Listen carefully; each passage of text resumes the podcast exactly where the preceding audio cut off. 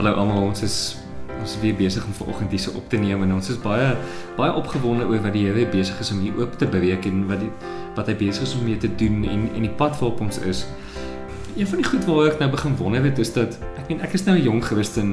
Ek het tot bekering gekom en wat nou? Wat gebeur nou verder met my? Hoe hanteer ek hierdie ding? Hoe lewe ek met hierdie ding? Ek het nou tot bekering gekom en so wat wat gebeur nou met my? Piet, ek dink wanneer mense tot bekering kom, is dit iets baie spesiaal. So jy moet weet as jy 'n nuwe werk begin of jy kry 'n nuwe werk of jy stap in 'n nuwe verhouding in. Dit gaan tyd neem. Dit gaan tyd van jou vra. As as jy dit werklik ag, die waarde wat dit het, dan gaan dit iets van jou vra. En dit gaan begin om om tyd van jou te vra. As mens kyk na 'n vrou het een keer met 'n probleem na Jesus toe gekom in Lukas 10. En Jesus het haar geantwoord en gesê: een ding is nodig. Wat is daardie een ding? Daardie een ding was om aan Jesus se voete te sit en te luister wat hy met jou deel. Jesus is God se seun, die skepper van die hele aarde. Hy ken al die antwoorde om om in om met hom in 'n verhouding te staan is iets ongelooflik kosbaar. En ons gaan hom net beter leer ken eh, wanneer ons tyd met hom spandeer wanneer ons tyd met hom spandeer, eh, moet ons leer om na hom te luister. Ons moet ons moet hom leer ken, die dinge waarvan hy hou. Sy woord is so ongelooflik belangrik om sy woord te ken en sy woord te begin lees. En ag die woord is so ryk. Dit begin ag selfs die eerste dele is so ryk, maar eh, as mens kyk na die psalms, eh, Dawid het iets soortgelyks gesê. Hy het gesê in Psalm 27 Net een ding het ek van die Here gevra en dit sal ek najag dat ek my hele lewe lank in sy huis mag woon om sy goedheid te belewe en daaroor na te dink in sy tempel. So Dawid sê baie dieselfde as as wat Jesus vir die vrou gesê het. Dis dis belangrik om tyd met Jesus te maak.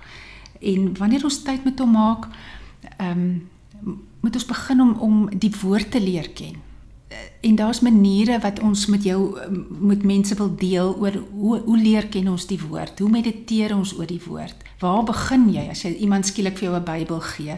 So ons wil bietjie daaroor ook gesels.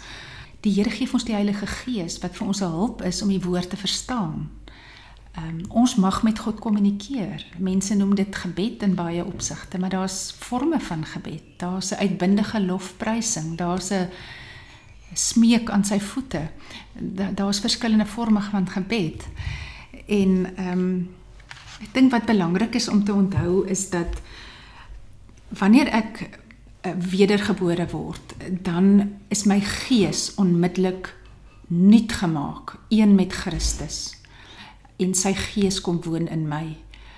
Maar ek mag dalk nog nie 100% lyk soos hoe ek graag wil lyk nie, want ek het ook 'n siel en 'n vlees wat moet verander om te lyk meer en meer soos Jesus? Want dit is tog wat ons aan die einde van die dag wil wees. Sy disippels is mense wat soos hy lyk. So dit gaan 'n proses wees en ehm um, ja ek dink die vyand probeer 'n mens wegtrek ehm um, van hierdie van hierdie pad. Hy probeer 'n mens ehm um, so laat fokus op jou tekortkome oor jou uh, fokus op jou sonde ehm um, hy maak dit skielik vir jou moeilik en besig en jy wil net opgee, maar dit is juis wat ons nie moet doen nie. Dis juis dan wanneer ons moet teruggaan na Jesus se voete en gaan hoor hoe wil hy ons help want hy wil ons help op hierdie pad. Ons is nie alleen nie. Ons het ook 'n familie van gelowiges. As jy bevoorreg is, dan is daar ander mense met wie jy saam kan bid, saam die Here kan dien en dit kan ons ook baie leer van hom af. Ek wens iemand het dit my so verduidelik jare terug in elk geval. So op 'n praktiese vlak, jy weet, as ek nou tot bekering gekom het en ek en ek wil by, jy weet, by Jesus se voete gaan sit, gee my iets eenvoudigs, jy weet, hoe ek my lewe kan begin inrig om by Jesus se voete gaan sit. Iets wat ek nou kan begin doen dat jy weet, jy stel dit so goed, dit dis klein stappies oor 'n baie lang tyd, jy weet, hoe jy weet in hierdie verhouding met ons het met die Here, maar vandag nou, wat is hierdie klein goedjies wat ek kan begin doen om my lewe vandag te verander op 'n praktiese vlak? Piet, ek wil begin om te sê 'n mens moet tyd maak vir die Here. Maar daarmee saam wil ek ook sê jou tyd met God is nie net die 15 of 20 minute of 'n uur wat jy met hom spandeer nie. God is in jou en jy kan heeldag met hom kommunikeer. Jy kan heeldag met hom wandel en dit is dit is ons doelwit om om voortdurend met hom te wandel. Al is jy dalk besig met ander dinge, maar jy is in hom en hy is in jou. Maar om hom beter te leer ken, gaan jy die dissipline moet aanleer om tyd te maak met God. Kry vir jou 'n tyd op 'n dag, verkieslik in die oggende voor jou dag besig raak. Kry vir jou 'n plekkie wat stil is en begin iewers in die woord om te lees. Jy kan begin eh, deur eh, 'n boek te lees soos Petrus of Jakobus en lees 'n hoofstuk tot 'n skrif jou aandag vang. En dan begin jy daaroor nadink en kyk wat die Here vir jou daaroor sê. Bedink dit 'n bietjie, oordink dit 'n bietjie. Kom ek neem 'n voorbeeld. Psalm 23 wat mense baie goed ken. Dit begin met die Here is my herder. Wat tref jou in hierdie sin, Piet? Ja, dat die Here my herder is. Ja. Mens kan mediteer oor hierdie sin en byvoorbeeld dink aan wat wat doen 'n herder? 'n Herder kyk na sy skape, hy beskerm hulle, hy lei hulle na kos en water. Hy doen baie meer. Jy kan gaan Google wat hy nog alles doen. Maar daar staan ook die Here is my herder. Nie my werkgewer of my man of vrou of die Here is my herder. Hy sorg vir my. En soos jy tereg gesê die Here is my herder. Hy's daar vir my. Hy's nie net vir vir die ander daar nie. Hy's nie net vir ander Christene daar nie. Dis iets wat ons moet onthou. Ons verhouding met God is uniek. En ek kan vir jou raad gee oor hoe jy 'n verhouding met die Here kan bou, maar jou verhouding met God gaan uniek wees, net soos jy uniek is. Maar jou verhouding met God gaan uniek wees, net soos jy uniek is. Ja, so ons het gesê tyd en die woord, begin die woord lees want so gaan jy God leer ken. Dis 'n baie eenvoudige manier om meer te leer van God.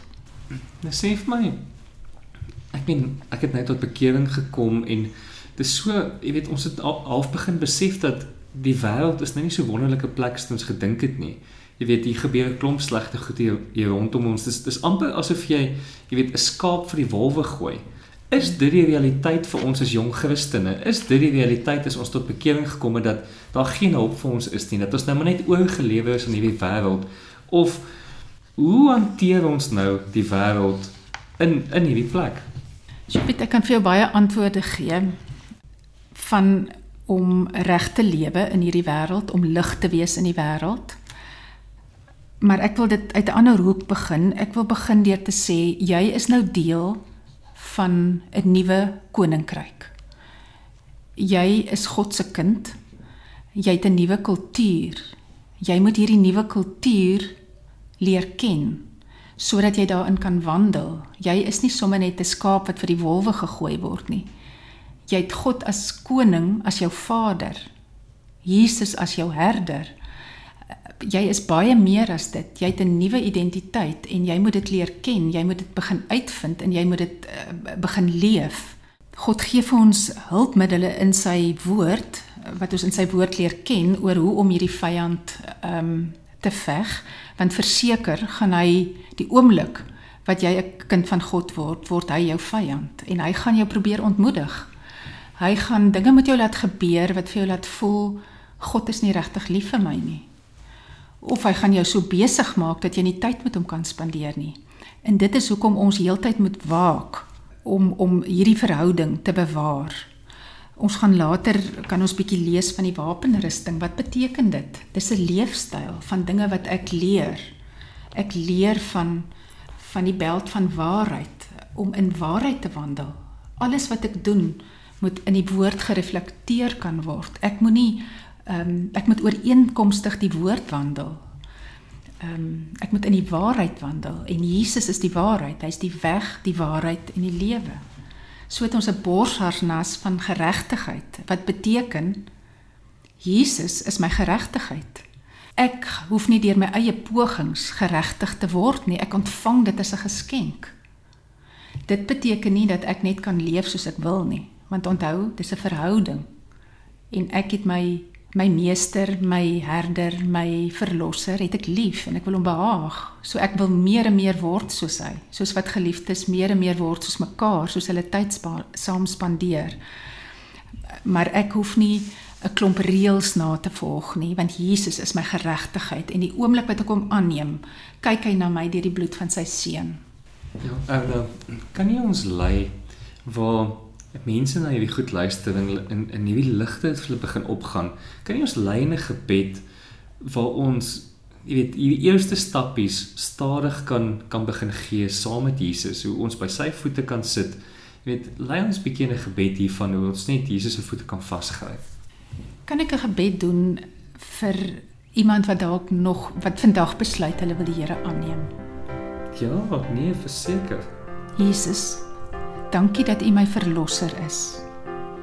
Dankie dat U aan die kruis vir my sonde gesterf het. Ek kies U as my meester. Leer my om met U te wandel. Here, en ek bid dat U elkeen wat kies om met U te wandel, om met U in 'n verhouding te staan, dat U hulle sal help tree vir tree in hierdie pad om deur U self gedisipel te word. Amen. Amen.